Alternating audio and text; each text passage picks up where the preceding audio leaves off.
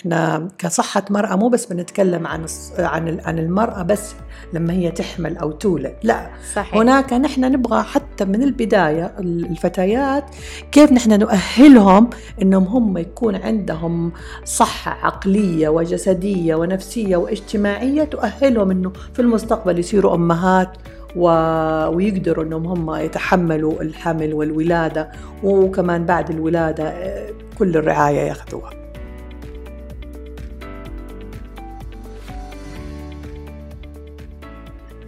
وصفت المرأة بأنها نصف المجتمع فهي مصدر استقرار وسلامة وصحة الأسرة. تكمن قوتها في سلامة جسدها وقدرتها على تحمل التغيرات الداخلية والخارجية. ومما لا شك فيه تؤثر هذه التغيرات في إدارتها لحياتها وحياة أسرتها ومن حولها. ورغم مرورها بفترات مختلفة تتقلب فيها هذه القدرة منذ طفولتها. مرورا بفترة البلوغ ثم الحمل والإنجاب وحتى مرحلة انقطاع الطمث إلا أنها تواجه لحظات الضعف سواء الجسدية أو النفسية أو الاجتماعية بكل قوة واتزان. والعجيب أن كل هذه التحديات يقوم بها جسد واحد. هذا الجسد الذي اختلف فيه الكثير لتعقيد تركيبته وتعدد وظائفه وطرق علاج الأمراض التي قد تطرأ عليه. ومن داخل هذا الكيان القوي يبدأ حديثنا اليوم عن صحة المرأة. معكم أنا مروج حكيم وضيفة لقاءنا استشارية أمراض النساء والولادة وعضو هيئة تدريس بجامعة طيبة الأستاذة الدكتورة فوزية حبيب. أهلا بك دكتورة فوزية. حقيقة سعيدين بوجودك معنا ومتشوقين نبدأ معاك رحلة نتكلم فيها عن المراحل اللي تمر بها المرأة خلال فترة حياتها. في البداية نحب نعرف إيش التغييرات اللي تحصل في جسم المرأة أو الفتاة خلال فترة البلوغ؟ السلام عليكم ورحمة الله وبركاته. سعيدة لإجراء هذا اللقاء معكم وأتمنى أنه ينفع كثير من شرائح السيدات في المجتمع. وشكرا جزيلا على الاستضافة. خليني أتكلم أول شيء عن صحة المرأة. ونحن نتكلم عن صحة المرأة نتكلم من مرحلة البلوغ اللي هي تقريبا من 12 سنة إلى حتى يعني ما نقول إنه هي قبل يعني قبل يعني عند انقطاع الطمث لا يعني نحن نتابع المرأة من البلوغ إلى ما شاء الله بإذن الله. يمكن في البداية أقول أنه المراحل هذه المفروض أنه كل الفتيات في سن البلوغ لازم هم يعرفوها. وكنتوا يمكن سألتوني على إيش إيش يعني صحة المرأة. وأقول لكم أنه منظمة الصحة العالمية أخذت دحين مصطلح جديد اسمه الصحة الإنجابية. والصحة الإنجابية تبدأ لكل الفتيات من عمر 12 سنة أو 14 سنة إلى إلى قبل انقطاع الدورة. فالصحة الإنجابية هي بالمصطلح حق منظمة الصحة العالمية هي مو مو بس الإنجاب هي تتعلق بالصحة العقلية والنفسية والاجتماعية وطبعا والصحية لكل البنات قبل البلوغ وحتى كمان بعد البلوغ. جميل يعني نظرة تكاملية. تكاملية بالضبط. لأنه مو نحن بس نتكلم إنه والله نحن كصحة مرأة مو بس بنتكلم عن عن عن المرأة بس لما هي تحمل أو تولد لا صحيح. هناك نحن نبغى حتى من البداية الفتيات كيف نحن نؤهلهم إنهم هم يكون عندهم صحة عقلية وجسدية ونفسية واجتماعية تؤهلهم إنه في المستقبل يصيروا أمهات و... ويقدروا إنهم هم يتحملوا الحمل والولادة وكمان بعد الولادة كل الرعاية ياخذوها. جميل. آه، طبعا أكثر الفتيات يعرفوا أنه دائما مرحلة أنه تجيهم الدورة أول مرة هذه المرحلة الأخيرة من مراحل البلوغ البلوغ يبدأ أولا تقريبا للفتيات آه، في العمر آه، من 8 إلى 12 سنة وممكن طبعا يتأخر. نعم. لكن حاليا مع جودة الغذاء وجودة الحياة والغذاء الصحي صاروا الفتيات تجيهم الدورة يمكن مبكرا عن عن عن السابق. عموما في في كل الدراسات في السعودية مرحلة الدورة آه، والبلوغ تبدأ من 8 إلى 12 سنة زي ما أنا قلت. تبدأ الدورة على مرا... آه، تبدأ مرحلة البلوغ على مراحل. أول حاجة اللي هي يبدأ شوية يطلع ظهور طبعا للتغيرات الهرمونية يبدأ هرمون الأستروجين والبروجسترون يكثر ف ويبدأ طبعا المبيض آه، نشاطه يزداد فيصير عندنا إفرازات لهرمون الأستروجين والبروجسترون. وبعض بعض الهرمونات الذكورية اللي هي زي مثلا الأندروجين أو نسميها التستوستيرون فأول مرحلة هي ظهور آه، ظهور آه، الشعر في منطقة العانة. ثم يليها منطقة ال ال الإبط وبعدين كمان يجلس شوية شوية يبدأ آه، الثدي يبدأ يكبر شوية شوية. وطبعا الثدي هذه خمسة مراحل لين يصير آه، ثدي كامل. نعم. آه، يبدأوا الفتيات في هذه المرحلة يبدأ يصير الطول حقهم يصيروا أطول. خامس مرحلة اللي هي حيصير إنه هي بداية الحيض اللي نسميها نحن الميناركي آه، أول أول دورة شهرية. تيجي للفتيات. هذه المرحلة ممكن تاخذ مو ما تاخذ بس مجرد إنه هي شهور لا هذه المرحلة تتم على على على سنوات. يعني ممكن من الثمانية سنوات تبدأ هذه المرحلة ما تنتهي إلا على 12 سنة عند بداية الدورة. الفتيات حيحسوا بالتغيرات هذه. في تغيرات جسدية طبعا بالنسبة لهم الصوت كمان حتى صحيح إحنا مش زي الفتيان الصوت يبدأ يتغير لكن برضو الشكل الشكل العام للفتيات يبدأ يتغير وهم شوية تدريجيا حيبدأوا خلاص ينتهي مرحلة البلوغ اللي هي بظهور الدورة الشهرية. وكمان أحب أقول إنه الدورة الشهرية عادة للفتيات في في السنة الأولى تقريبا ما بتكون منتظمة. عشان كده كثير من الأمهات يجيبوا بناتهم عندنا يقولوا هي جاتها الدوره مرة وانقطعت مثلا. ليه؟ لأن عملية التبويض ما تكون شهرية منتظمة عند الفتيات في بعد سن 12 سنة أو بعد آه، ظهور الدورة الشهرية لكن تأخذ لها تدريجيا سنة كاملة إلى أن تصير منتظمة ويصير بعد كده الدورة عندهم منتظمة شهريا.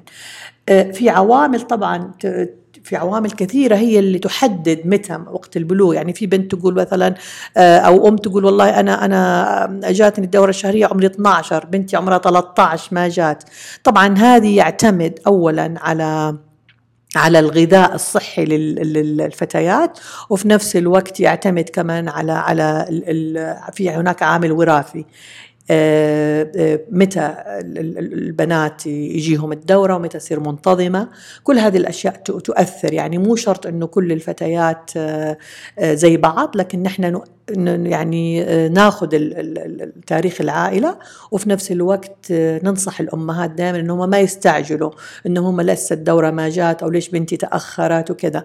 ما نبدأ نعالج نحن أو أو أو نفحص إلا بعد ما آه، الدورة تتأخر إلى ما بعد ال 16 سنة.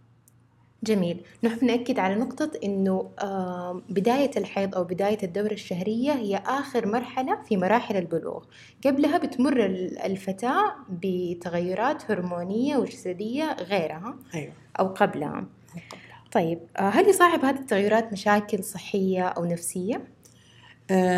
طبعا آه، جميع الفتيات عشان ليش كده؟ أنا قلت الصحة الإنجابية إنه هناك لازم تكون صحة عقلية ونفسية واجتماعية. نعم. لازم جميع الفتيات والفتيان طبعا إن إحنا نؤهلهم لهذه المرحلة. والمفروض إنه الآباء والأمهات هم اللي يعطوا يعني أولادهم النصائح هذه ما ياخذوها مثلا من من زملائهم أو زميلاتهم.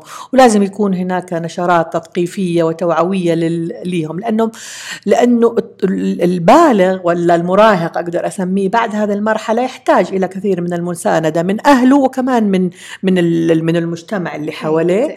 لأنهم يمروا اولا هو عشان يتقبل ظهور هذه المرحلة وخشونة الصوت وكل هذه المراحل لازم يكون في مساندة من الأهل مساندة من حتى من المدرسة ومساندة من المجتمع.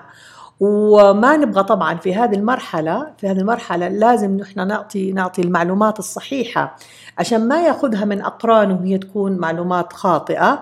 آه، وفي نفس الوقت يعني أنا أشوف إنه في كثير من الفتيات يخافوا إنه مثلا الدورة حقتها صارت متلخبطة أو ما صارت تجيها كل أيوة شهر وصديقتها في المدرسة صارت تعطيها تعطيها شهرية تجيها شهريا. هذه الأشياء كلها لازم لها يعني رعاية صحية ونفسية. وإجتماعية آه، من الجميع. جميل. كما ذكرتي دكتورة من المؤكد أن جودة الغذاء مهمة في جميع المراحل العمرية. ولكن كيف ممكن تؤثر جودة الغذاء على صحة الفتاة في مرحلة بلوغها؟ أو هل في نصائح معينة توجهوها للفتيات في هذا العمر؟ أه، أه، طبعا طبعا جودة الحياة أول شيء نتكلم عن الغذاء الصحي. وأنت زي ما أنت شايفة الآن كل المراهقين وكلهم أه، يميلوا إلى إلى الوجبات السريعة. صحيح صحيح. وزادت كمان في المجتمع أمراض السمنة. السمنة وأمراض نعم. السكر و... وهذه الأشياء للأسف أنهم أكثر المراهقين الآن يميلوا أنهم يأكلوا من برا صح من صحيح. وجبات سريعة صحيح. وما يفضلوا أكل البيت لكن أؤكد أنه الغذاء الصحي هو أهم حاجة في هذه المرحلة لضمان لضمان اولا السلوك الاجتماعي الصحيح والصحة فالغذاء الصحي طبعا مرة مهم. لازم نحن ونؤكد حتى في المدارس بيأكدوا عليهم إنه لازم يكون الغذاء طبعا صحي. وفي نفس الوقت يحتوي على كل ال كل ال الفوائد اللي هم يجيهم للبالغين. يعني لازم يكون في بروتينات صحة يعني حصة كاملة من البروتينات لحوم وأسماك نعم. ودجاج. لازم خضروات وفواكه. لازم هذا طبق يومي المفروض الخضروات والفواكه. آه، وفي نفس الوقت آه، آه، لما بتكلم عن الغذاء بروتينات والفواكه والخضروات لازم أقول إنه كمان مو بس الواحد ياكل وكمان يجلس لازم يكون في هناك تمارين ولازم في حركة نعم عشان حركة. نتقي شر السمنة وشر كمان إنه الأمراض المستقبلية زي السكر. وإحنا بلد للأسف عندنا عندنا النسبة عالية من مرض السكر. ولو لاحظت دحين كثير من المراهقين برضهم عندهم سمنة مفرطة. صحيح. ملاحظة. فعشان كذا لازم نحن يعني من الأول نهيئهم إنه هي أفضل الغذاء هو البروتينات فواكه خضروات وطبعا لازم تكون محتوية على ألياف مرة كويسة الألبان طبعا ومشتقات الألبان عشان الكالسيوم وصحة العظام للبنات وهم صغار وهو حتى للسيدات وهم يكبروا عشان نتقي إنه يجيهم بعد كده هشاشة عظام ولا يصير عندهم مشاكل صحية في في, العظام حقتهم وما نبغى الأمراض المزمنة هذه. جميل يعني يبدأ الاهتمام منذ فترة البلوغ وطبعا قبلها ولكن آه نحب نأكد أنه الغذاء والحياة الصحية جدا مهمة في مرحلة البلوغ. تمام. يجب يعني أنا أنا بركز أنه لازم يكون في تغيير في أسلوب الحياة ونمط الحياة. صحيح. لازم الناس تأخذ غذاء صحي ولازم تكون عندها آه، رياضة وتمارين رياضية يطلعوا ويتمشوا. صحيح يعني نحن بلد حار لكن برضو في نوادي الحين كثيرة. لو حتى الواحد ثلاث مرات في الأسبوع لكل المراهقين أنهم يطلعوا يسووا رياضة هذه صراحة مرة كويسة. صحيح طيب من سنن الحياة أن المرأة تتمكن من الحمل والإنجاب ونسعى دائما أنها تكون بصحة جيدة هي وأطفالها قولي لنا دكتورة كيف ممكن للمرأة الحامل أن تحافظ على صحتها وصحة جنينها أثناء فترة الحمل والولادة؟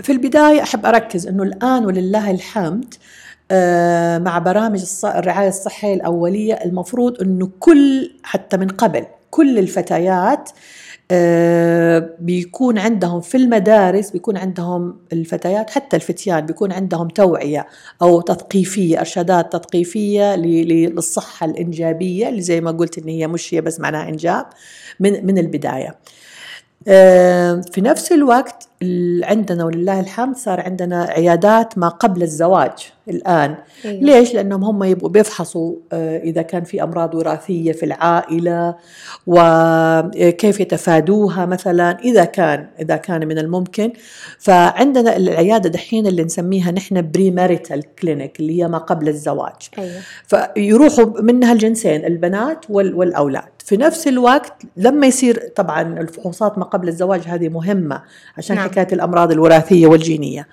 بعد بعد الزواج في عندنا عيادة اللي هي preconceptional clinic اللي هي ما قبل الحمل وما قبل الحمل إيش مثلا لو كانت واحدة من السيدات أو أو أو الزوج يعني الزوج أو الزوجة عندهم أي أمراض مزمنة كصرع مثلا سكري مزمن كيف نحن قبل نهيئهم قبل الحمل إنهم هم آه، آه، آه، اولا نغير طبعا نغير ال ال ال الأدوية اللي عندهم نعطيهم نعطي مثلا السيدة الأدوية اللي هي ما لها أي مضاعفات أثناء الحمل اذا كان عندها سكر كمان نحاول قدر الإمكان نتحكم في نسبة السكر.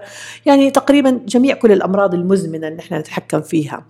ونحضرهم لما قبل لما قبل الحمل. وطبعا أركز على حكاية حمض الفوليك وما له من تأثيرات جدا مفيدة من منع تشوهات الأجنة وخصوصا العمود الفقري.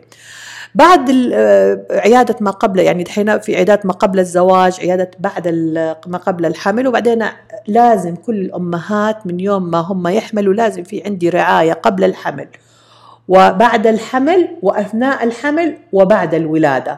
صح. يعني كل العيادات هذه المفروض إن هي متوفرة في كل المستوصفات. و... ولازم متابعة ضرورية للحمل على الغذاء. آه، اكتشاف والله إذا كان عندها أي مرض مزمن دخل في الحمل زي مثلا سكري آه، سكري الحمل أو حتى الضغط. آه، اللي ينشأ مع مع الحمل اللي هو نسميه البري اكلامسيا نشوف مثلا التاريخ المرضي ليها نشوف التاريخ الولاداتها السابقة كل هذه الأشياء نتابعها ونحن بنتابعهم صراحة في المستوصفات. بعد ما يخلصوا من المستوصفات إذا كان هناك هاي ريسك يعني وحدة حمل آه، ذو خطورة عالية على طول لازم إنها تتابع في مستشفى آه، عالي الجودة عشان لا سمح الله لو حصل له مضاعفات أثناء الحمل. فأركز أنه في رعاية قبل الحمل وبعد الحمل وأثناء الحمل كلها تهتم بصحة الأم والجنين وفي نفس الوقت آه، عمل كل الفحوصات اللازمة لضمان صحة الأم وسلامة الجنين إلى أن تلد الأم. بعد الولادة طبعا لازم كمان المراجعة عشان حكاية الرضاعة الطبيعية لأن إحنا على إنه يعني نركز إنه لازم الأم يعني آه، تستمر على الرضاعة الطبيعية مش تقول والله ما عندي حليب والله ما كذا. على الغذاء الصحي كمان السبلمنت اللي هي زي الكالسيوم الحديد كل هذه الأشياء مع مع يعني ما بعد الولادة عشان نبغى الطفل هذا ياخذ كل الفوائد من الرضاعه الطبيعية طبعا وفي نفس الوقت كمان نحن نشوف الأمهات بعد الولادة ليش؟ لأنه نحن نشوف كيف هي ولدت، إيش في كان صار مضاعفات عشان نتفاداها مستقبلا وفي نفس الوقت إذا كانت هي تبغى تأخذ أي موانع من موانع الحمل. طيب هل في أشياء تنصح إن المرأة تتجنبها خلال الحمل أو أو بعد الولادة؟ أثناء الحمل طبعا المفروض إنه إنه آه، السيدات يعني الحمل هو فترة فسيولوجية طبيعية لكن آه، دائما نقول لهم يعني نركز إنهم ياخذوا غذاء صحي ياخذ فترة يعني من الراحة كويسة في نفس الوقت نعطيهم نصائح بالنسبة للسفر دحين تجينا كثير من من الأمهات بيسألونا ناخذ تطعيم مثلا كورونا أو لا طبعا لا ما بنعطي التطعيم للكورونا للسيدات الحوامل. آه كمان نركز إنه هم نحضرهم عشان عشان الولادة والتمارين الرياضية قبل الولادة وكيف يرضعوا طفلهم. آه نعطيهم كمان نصائح عن الغذاء الصحي وكم المفروض يكون زيادة الوزن أثناء الحمل. لو نقول لها كل الإرشادات إلى لو لو حصلت أثناء الحمل آه إن هي تراجع على طول العيادات أو المستوصفات الصحية.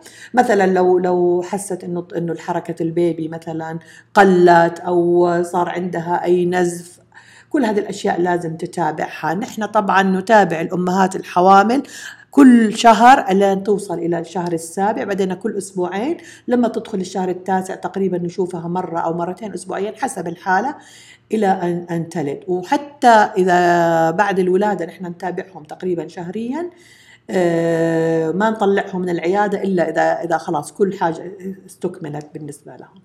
جميل. ذكرنا قبل أن تركيبة جسم المرأة معقدة ويكثر اللغط حول الاهتمام بصحتها وخصوصا فيما يتعلق بالعلاجات الشعبية. عشان كده حابين نعرف إيش أهم الشائعات اللي تواجهوها من النساء الحوامل أو غير الحوامل اللي تبغوا تصححوها.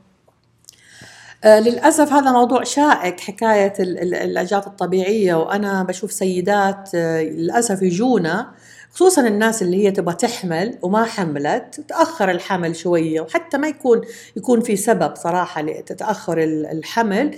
يقوموا يروحوا للدايات والطب الشعبي وكلها أشياء المفروض صراحة آه، ما أقول لك إنه هو آه، يعني المفروض إن إحنا ما ما ما نعمل. وفي أشياء ممكن أثبتت علميا إنه هي ممكن فيها فائدة. لكن نحن الحقيقة اللي لكل السيدات الحوامل أو ما قبل الحمل تأخر حملهم هذول نقول لهم تعالوا اعملوا كل الفحوصات اللازمة وحتى نستعرض معاهم كل الأدوية اللي هم أخذوها العلاجات الشعبية هذه لأنه في أشياء كثيرة ما تنفع صراحة ممكن تكون ضارة أيوه. تكون ضارة بالأم وبالجنين بالجنين يعني. فنحاول قدر الإمكان إحنا يكون في عندنا توعية لذلك.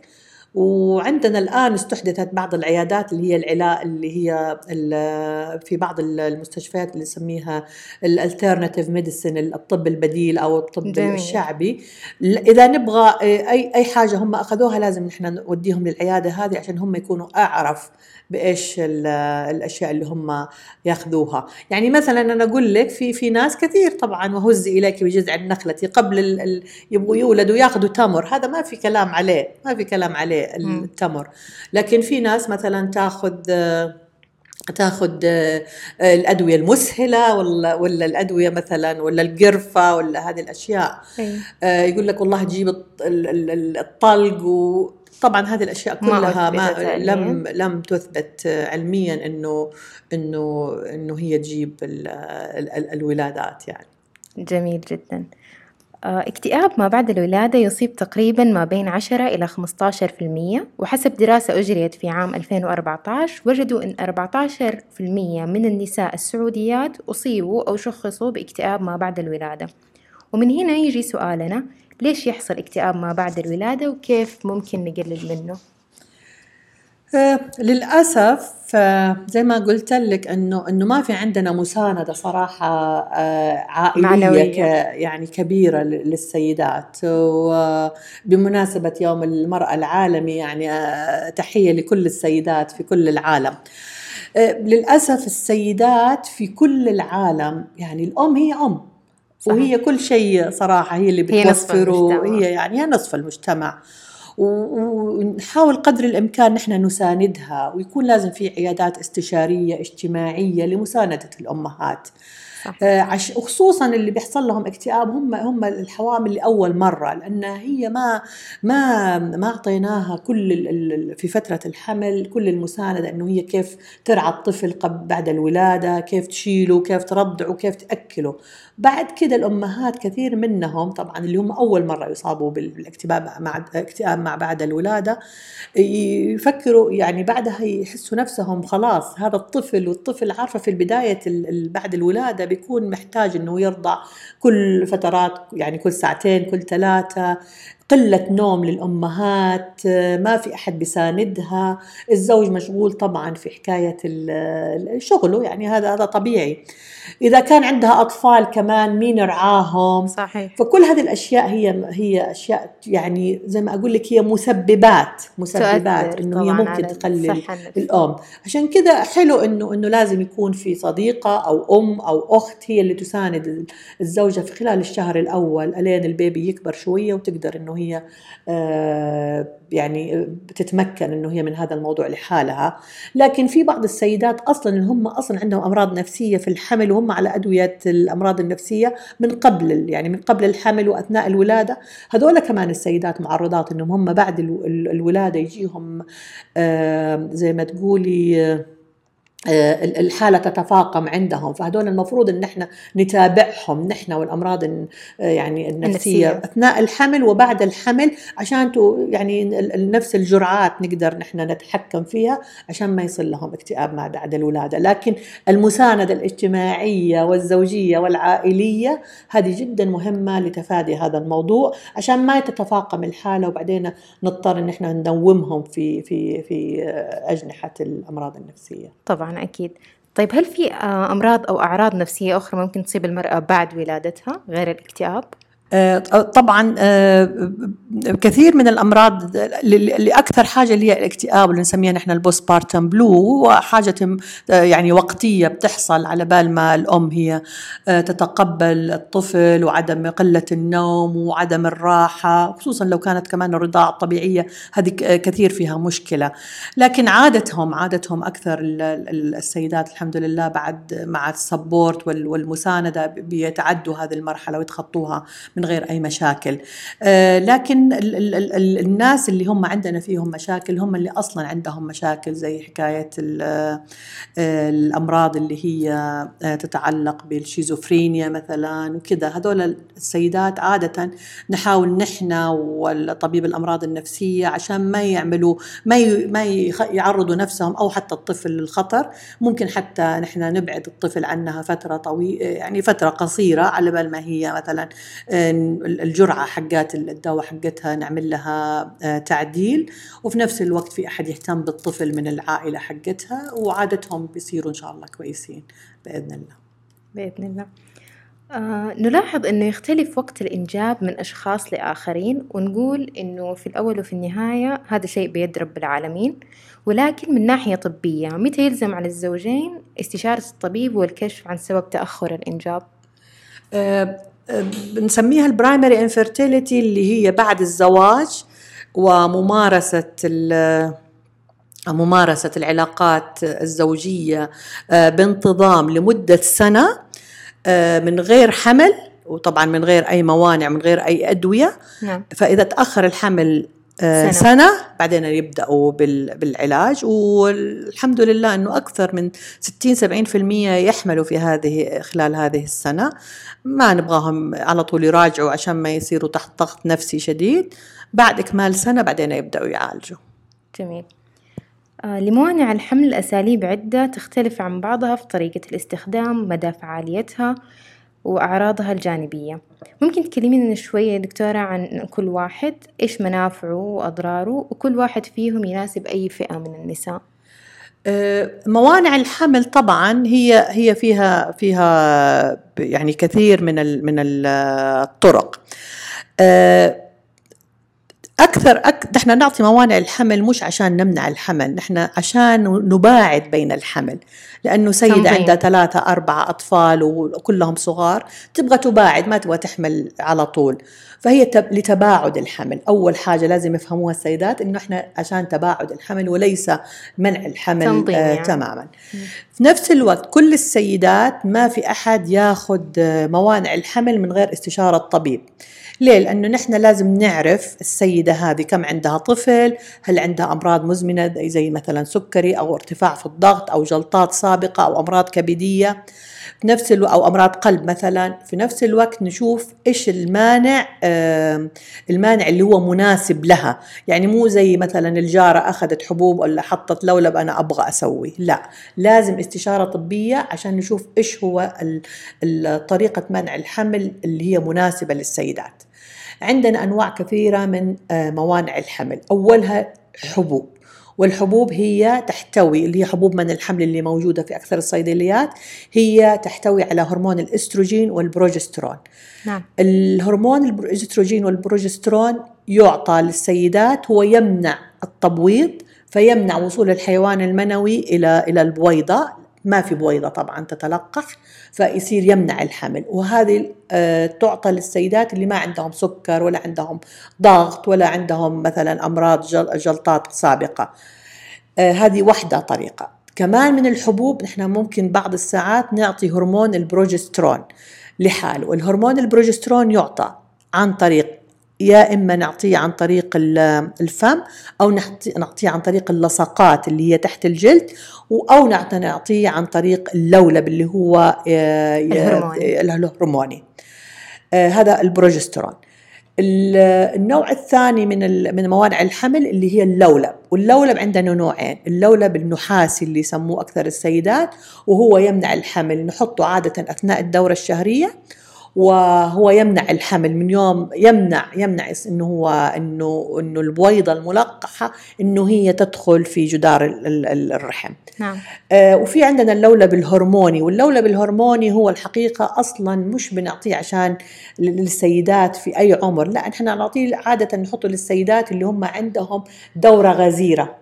فدائما فوق الأربعينات نحن نعطيهم اللولب الهرموني وهو صحيح أنه يمنع الحمل لكن الأساس منه أنه هو لتقليل غزارة الدورة الشهرية. فعندنا الحبوب اللي هي الأستروجين والبروجسترون عندنا الهرمون البروجسترون عندنا اللولب الهرموني عندنا اللصقات اللي هي ممكن تتبدل اسبوعيا. عندنا الإبر البروجسترون اللي هي زي ديبو بروفيرا تتعاطى كل ثلاثة أشهر. وعندنا كمان الأشياء الموضعية. يعني عندنا الواقي الذكري اللي هو ال condom ممكن الزوج يستخدمه أثناء نعم. الجماع. وعندنا كمان نسميها ال cervical cap اللي هو ألو... الواقي اللي, تضعه السيدة قبل عملية الجماع على على عنق الرحم أو حتى ممكن تحطه في المهبل. وعندنا الكريم... الكريمات اللي هي تمنع كمان. تمنع يعني تقتل الحيوانات المنوية هو نحطها في تحطها السيدة في المهبل. فكلها كلها يعني نحن إيش نستخدم؟ إيش نستخدم أو أو إيش نوصف للسيدة؟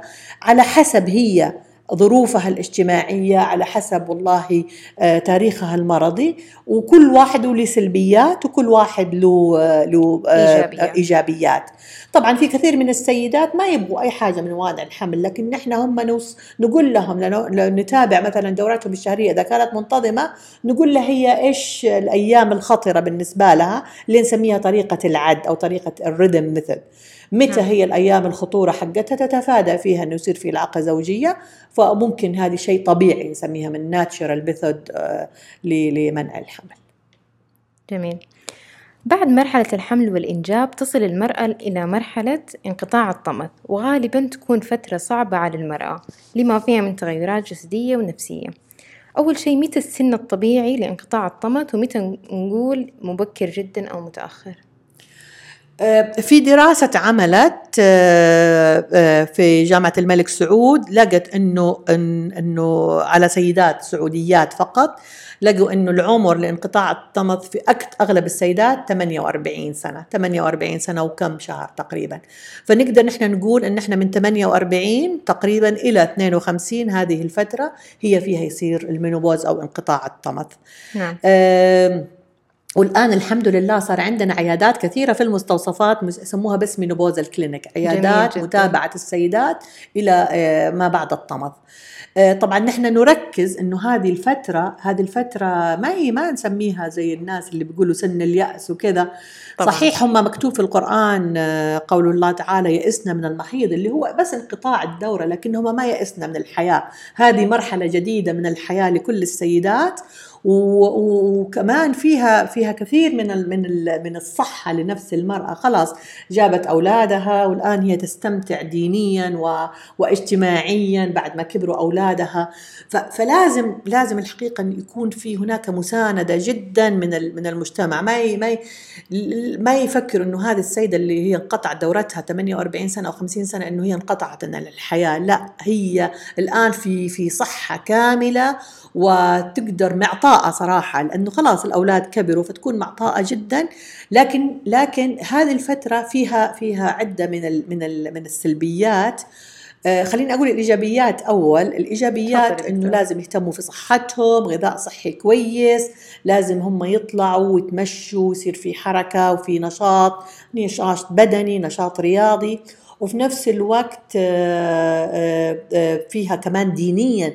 السيدات كثيرة يتمتعوا في هذه الفترة أنهم هم والله يقدروا يستمتعوا. ما في دورة ما في أي حاجة. ممكن دينيا يبدأوا يتقربوا إلى الله أكثر. نعم. وصلتهم بالله تصير أكثر. ويعني إن شاء الله كلنا في كل المراحل بإذن الله صلاتنا بالله يا رب. كثيرة. لكن هذه المرحلة طبعا لو ما كان في غذاء وكذا في في مش مشكلتين أساسيتين اللي هي هشاشه العظام عشان كده إحنا السيدات لازم نعمل لهم فحص دوري عشان نشوف قد إيش يحتاجوا إلى إلى الأدوية اللي هي ما عشان ما يصل لهم هشاشه عظام وفي نفس الوقت هذه الفترة للأسف تكثر فيها الأمراض الخبيثة.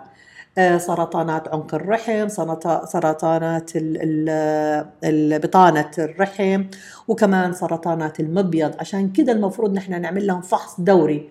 غير طبعا أنا أتكلم عن ال mammography للسيدات المفروض إن هم من بعد سن تقريبا 45 نعمل لهم سنويا سنويا أشعة صوتية للثدي وكمان ال mammography عشان كمان طبعا واحد من ال leading cause للسرطانات هي ال breast cancer أو سرطان الثدي. عشان كده لازم في في ال mammography والأشعة الصوتية وفي نفس الوقت نعمل لهم سنويا تقريبا أشعة صوتية للحوض عشان نشوف المبيضين والرحم وبطانة الرحم ونسوي لهم كمان كثير من السيدات في هذا العمر ممكن يحصل لهم أمراض قلب. عشان كده نعمل لهم دوري. نسبة الكوليسترول الدهون الثلاثية وظائف الكبد ونتابعهم ونسوي لهم الدكسة اللي هو قياس كثافة العظام ونعطيهم كل الأدوية.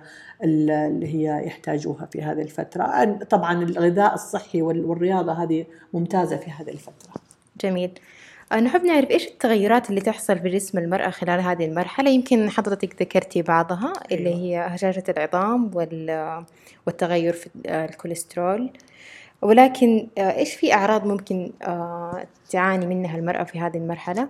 كثير من السيدات طبعا طبعا نحن نحط هشاشه العظام ليش؟ لأنه إذا حصل كسر في العض في العمود الفقري ولا خصوصا الفيمر هذه هذه مشكلة لأنه هي كمان عليها يعني مضاعفات للسيدات في هذا العمر لكن كمان إحنا نقول إنه كثير منهم يقولوا ما إحنا قادرين ننام كويس عندهم أنسومنيا كثير بعضهم يقول والله أنا صار في عندي جفاف مهبلي فهذول كمان يروحوا للطبيب النساء والولادة عشان نعطيهم والله أشياء تزيل أو تخفف من حكاية الجفاف المهبلي إيه؟ التهابات متكررة في في المثانة البولية كمان كبيرة في هذا هذا. بيكون عندهم انكزايتي حاسين نفسهم ريتابل شوية. كل هذه الأشياء نحن عشان كده أقول لك عيادة المينوبوز الكلينيك هذه فيها مو بس طبيب نساء ولادة طبيب نساء ولادة مشرفة اجتماعية ممكن كمان يكون فيها طبيب أمراض نفسية لأن إحنا نهيئهم لتقبل هذه هذه. فاكثر حاجة شيوعا صراحة اللي هي قلة النوم ما أحس انهم هم مرتاحين. كثير منهم يجيهم الهبات الساخنة هذه ويصيروا كثير اللي هي الهوت فلاشز يكونوا مرة مرة تعبانين منها. نحن كمان نقول لهم كيف إنهم يتفادوا المشروبات الساخنة ويتفادوا الأشياء البهارات و كيف ياخذوا كيف يعني يتمتعوا إنهم هم يروحوا مثلا في هواء طلق يسووا رياضة تخف عليهم هذه يعني الهبات الساخنة. وفي نفس الوقت الغذاء الصحي ونعطيهم كمان نصائح بالنسبة لجفاف المهبلي وعدم تكرر التهابات البول والفحص الدوري اللي هو للمبيضين بطانه الرحم والماموغرافي. ومسحة عنق الرحم طبعا الباب سمير. جميل جدا. أخيرا وليس آخرا كيف ممكن نتعامل مع هذه الفترة العمرية؟ وإيش أهمية دور العائلة في التعامل مع المرأة في هذه المرحلة؟ أول حاجة أول حاجة نشيل هذا المصطلح إنه هو إنه إنه إنه إنه إنه ما فيها فايدة في هذه المرحلة. لا بالعكس يعني هي هي ربنا خلقنا كده. صحيح. أيوه يعني إنه والله نحن نمر بحالة بلوغ وبعدين والله هذا الإنجاب وبعدين يكبروا الأولاد. فالآن أنت متفرغة متفرغة لحياتك الاجتماعية علاقتك بربك تصير أحسن.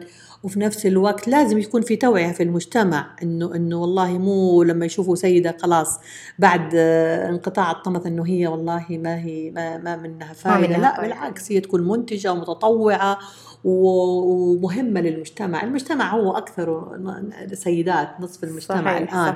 صحيح. فلازم في توعية لل- ال- الاجتماعية وفي نفس الوقت هي نفسها الأمهات. يعني السيدات في هذا العمر لازم هم يكونوا من من من نفسهم هم يعني يتقبلوا هذا الوضع وفي نفس الوقت يبدأوا ي- يعني يعملوا على نفسهم إنهم هم يشتركوا في الحياة الاجتماعية والأشياء التطوعية.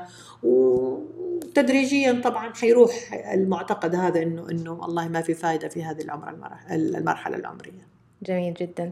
حقيقة كانت رحلة ممتعة جدا دكتورة فوزية. أنا شخصيا استفدت وأتمنى من اللي سمعونا يكونوا استفادوا من استفادوا من المعلومات القيمة اللي قدمتيها أنا أسرة ترياق شاكرين وممتنين لجهودك معنا شكرا جزيلا وإن شاء الله آه، آه، أتمنى لكم التوفيق في آه، في صراحة البرودكاست حقتكم هذا إنه هي خدمة مجتمعية صراحة جدا مهمة ولفئه من السيدات جدا غالية علينا وأتمنى لكم التوفيق ونحن في الخدمة في أي استشارات طبية إن شاء الله. شكرا, شكرا لك لكم. دكتورة.